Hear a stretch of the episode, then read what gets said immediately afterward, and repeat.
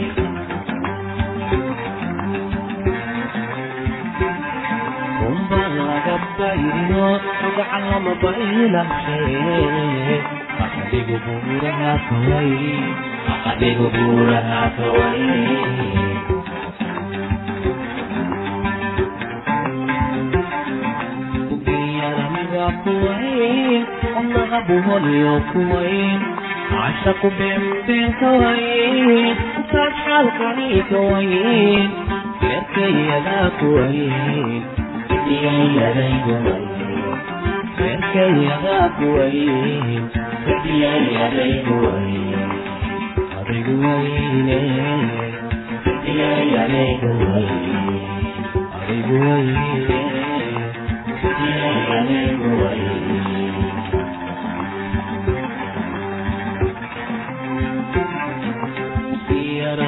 kuwayn caashaqu beenbeen kawayn kuwayn beerkayadaa kuwayn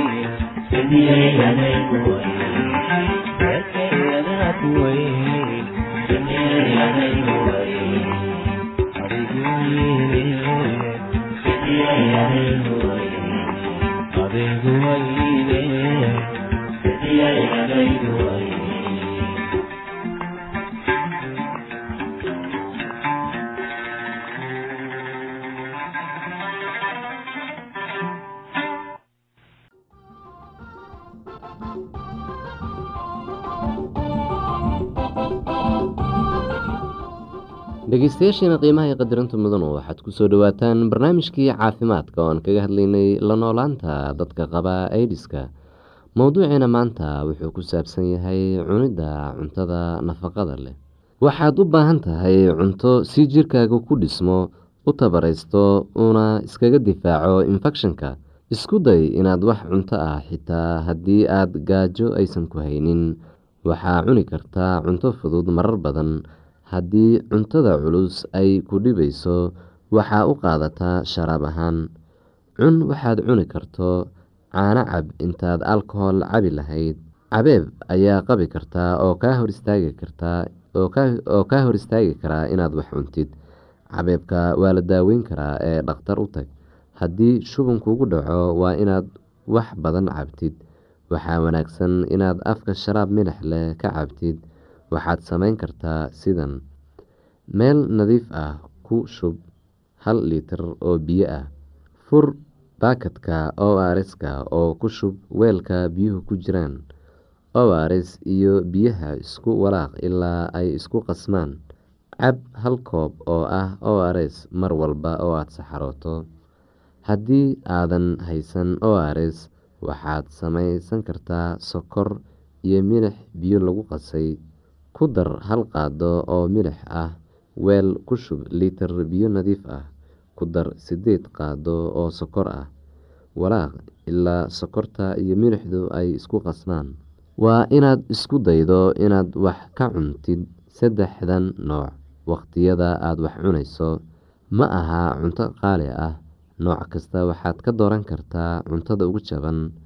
Waa cunto aada nafaqo u leh cunto jirdhis leh sida digirta digaaga masagada looska ukunta kalluunka caanaha iyo hilibka.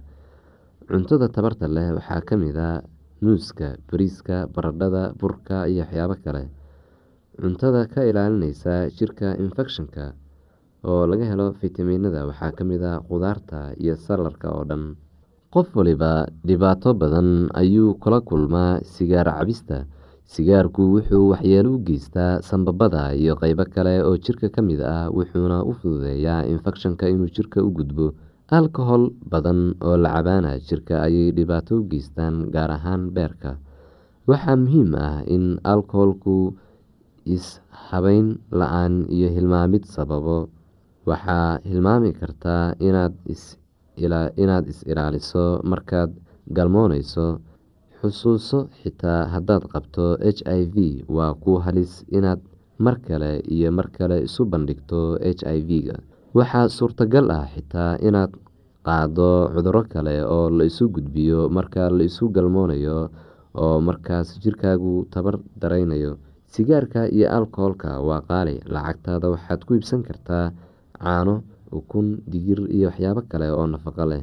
Cunto wanaagsan jirkaaga ayay xoojisaa waxayna kugu caawineysaa in aad in badan sii noolaato jirkaagu wuxuu doonayaa hurdo dheeri ah. Waxaa isku daydaa inaad sideed saacadood seexatid habeen walba dhammaadka usbuucii iyo markasta oo aad daalan tahay seexo. Xitaa waa fiican tahay inaad nasato. Waxaad dhegeysan kartaa heeso waxaad akhrisan kartaa jaraa-id bugaagta sheekooyinka ay ku qoran yihiin iyo waxyaabo kale waxaad la nasan kartaa dadka aada jeceshahay. Waxaad waqtiga la qaadan kartaa ilmahaaga adiga oo nasanaya. Waa wanaagsan tahay in la qabto. Inta la qaban karo howl lacag ayaa laga helaa. Waxay kaa dhigaysaa qof firfircoon. Waxaa ku waxaa ku arkaysaa meesha aad ka howlgelaysid saaxiibo iyo dad aada wada howlgashaan howl la'aantu iyo wada jooguba wuxuu kaa caawinayaa inaad hilmaamto walwalka ku haya. Haddaad dareento inay kugu adag tahay hawshaada caadiga ah ka fikir inaad raadsato mid kale oo ka fudud ama isku day inaad yareyso hawsha. Weydiiso cidda aada u shaqeyso hadday kaa yareyn karaan saacadaha shaqada amase hadday kuu ogolaan karaan inaad shaqeyso maalin barkeed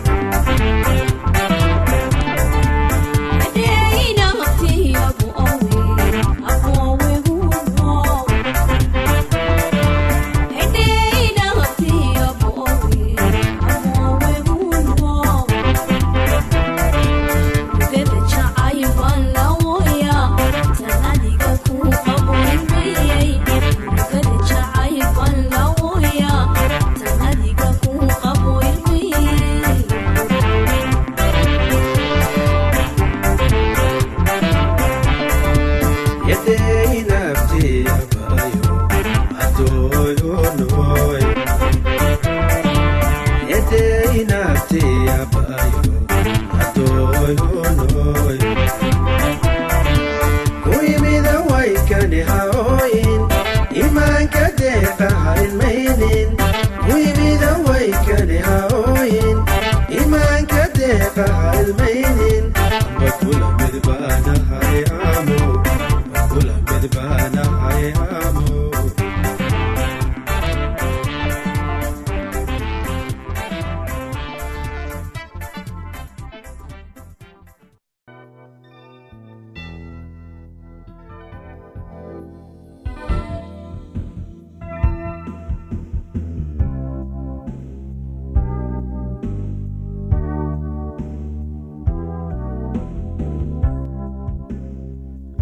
In qofku guursan karo qof qalaad ama qof ka yimid qabiil kale ama eh, rangi kale ayaa runtii waxay tahay su'aal xiise leh. Maxaad u malaynaysaa adigu? Qofku ma inuu guursadaa cid ka timid qabiil kale oo aan kiisa ahayn ama qof ka yimid waddan kale qabiil kale iyo rangi kale oo aan kiisa la mid ahayn. Waxaan uga dan leeyahay midab kale aan kiisa ahayn maadaama ay baryahatan sii kordhayso xurgufta dhex taal dadka kale ka kala yimaada waddamo kala duwan leh dhalasho kala duwan ama qabiilo kala duwan sida caadiga ah. Sidee baad u aragtaa guurka ka dhex dhacaya labada qof oo aan isku qabiilka ahayn ama aan isku midabka ahayn? Bini aadamku miyuusan isku mid ahayn iyadoo aan loo egin qabiil midab ama dhalashada qofka baryahatan ardo badan oo leh dhalasho kala duwan qabiil kala duwan ama midab kala duwan ayaa wada xidhiidha sababtaas awgeed dadka isguursada oo ka kala yimid qabiilo kala duwan ayaa baryahatan haddaba waxaa ka imaan kara haddii dad kala yimid qabiilo kala duwan isguursadaan. Haddii si loo fiiriyo waxay noqonaysaa in qofku jebiyey xiriirka uu dhaqanka ahaa ee reerka ilaa muddo oo uu reerkiisa jiray. Waxay sababtu uu qofku isaga ah u doortay qofka ka yimid qabiil iyo dhaqan kale oo aan kiisa ahayn. Waa maxay sababta ay u dooratay ama uu u doortay inuu ka guursado qof qalaad iyada oo ay khatar kaga imaanayso reerkeeda? Saaxiibadeeduna dacaayadeynayaan. Jawaab sahlan ayaa waxay tahay jacaylku ma lahan xuduud mana doonayo inuu ogaado midabka iyo caqiiqada qofka kale. Taasi waxaan uga dan leeyahay jacaylku marnaba ma eego wax ku saabsan xagga midabka iyo caqiidada qofka kale laakiin xitaa waxaa jiri kara waxyaalo kale oo uu horseeday go'aankan kama dambaysta ah. Waxaa laga yaabaa in labada qof ee isguursanaya ay yihiin dad mutacalimiin ah oo aaminsan fikradooyin kala duwan doonayana inay waajahaan wax kasta oo bulshadooda kaga imaan kara si ay u bandhigaan xornimada iyo fikradaha ay aaminsan yihiin. Ama ma loo malaynayo inay ka hor imaanayaan waalidiintooda saaxiibadooda diintooda dhaqankooda iyo xeerka u degan bulshada. Dhibaatada ugu weyn ee haysata dadka isguursada ee ka kala yimid qabiilada kala duwan ayaa waxay tahay dhibka kaga imaanaya reerkooda iyo saaxiibadooda. Kaba soo qaad in gabar soomaali ah ay jeclaatay wiil kikuuyo ah oo u dhashay waddanka kenya. Waxaad maxaad u malaynay inay reerkooda kaga jawaabayaan gabadhu xitaa maadaama ay jeceshahay wiilka haddana waxay la kulmaysaa aflagaado qursi iyo farku-fiiqid iyadoo oo la leeyahay tiika kuuyada guursatay waa taa. Marka haddii labada qof isjecel yihiin isku fikrad yihiin oo ay is-aaminsan yihiin waxba kuma dhisna qabiilada ay ka kala yimaadeen. Bini aadamku waa isku mid oo ilaah ayaa wada abuuray umana bannaana in qofku guursado abuurka ilaah marka labadan qof isguursadaan ayaa waxay soo bixi karaa arrin kale oo foolxun oo ku salaysan kala duwanaanshaha dhaqankooda bulshadooda iyo heerka waxbarasho ay ka kala gaarsiisan yihiin. Waxaa laga yaabaa in mid waxa u muhiim uu haysto kan kale uusan sidaaba u qadarin. Labada qof ee isguursanaya waa inay si dhab ah oo taxadar leh u falanqeeyaan kala duwanaanshaha dhaqankooda intii aanay isguursan guurka ka dhex dhacaa dadka kala yimid qabiilo kala duwan miyuu waraa dhibaatada guurkaasi ma weyn yahay mise way yar tahay? Waa sidee heerka hor u kaca iyo faraxa guurkaasi? Xitaa aala guurka ka dhex dhaca labada qof ee isku qabiilka ah ayaa keeni kara wakhti adag. Haddaba maxaad u malaynaysaa guurarka kale ee ka dhex dhaca dad aan isku qabiil iyo isku af ahayn? Xaaladdu way ka sii daran tahay qabiilka iyo bulshada uu qofku ka yimid ayaa waxay saameyn ku yeelanaysaa sida uu qofku u dhaqmo oo u fikiro iyo qaabka uu u noolaan doono mustaqbalka. Sida loo soo barbaariyey marka ay carruurta ahaayeen ayaa kala duwan. Waxaa kaloo iyana kala duwan cayaaraha ay yaqaaniin luuqadda iyo habka loo hadlo. Haddii aan soo gebagabeeyo hadalka wax waliba way ku kala duwan yihiin. Haddii aynu eegno xagga waddanka ameerika guurka ka dhex dhaca dadka kala duwan ayaa waxa uu keenaa dhibaato waxaa loo arkaa inuu yahay guur ka dhex dhacay qof madow ah iyo qof caddaan ah. Haddii madow iyo caddaan isguursadaan reerka madowga ayaa guurka soo dhoweynaya marka la barbar dhigo reerka caddaanka ah. Madowga iyo caddaanka isguursada ayaa waxay sahal u arkaan inay ku noolaadaan meesha madowgu degto.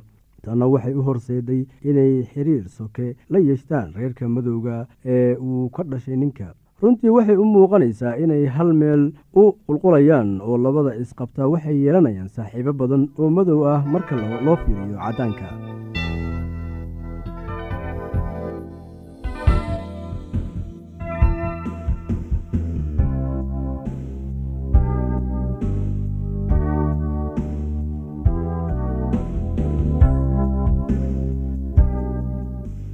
haddii aad qabto wax su'aalaha fadlan inala soo xiriir. Ciwaankeenna waa radio somaly at yahu dt com. Mar labaad ciwaankeenna waa radio somaly at yahu dt com. Barnaamijyadeena maanta waa naga intaas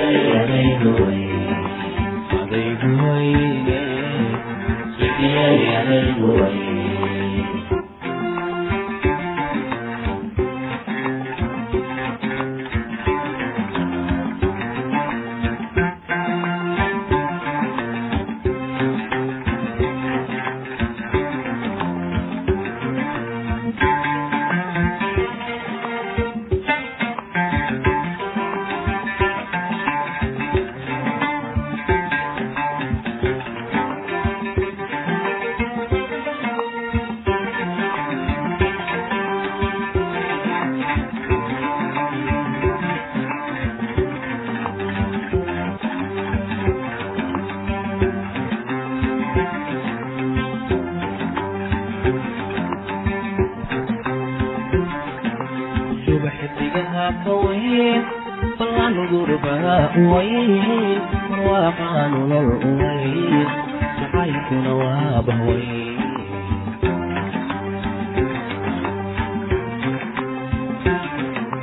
subax digaha kaway balan gurba uway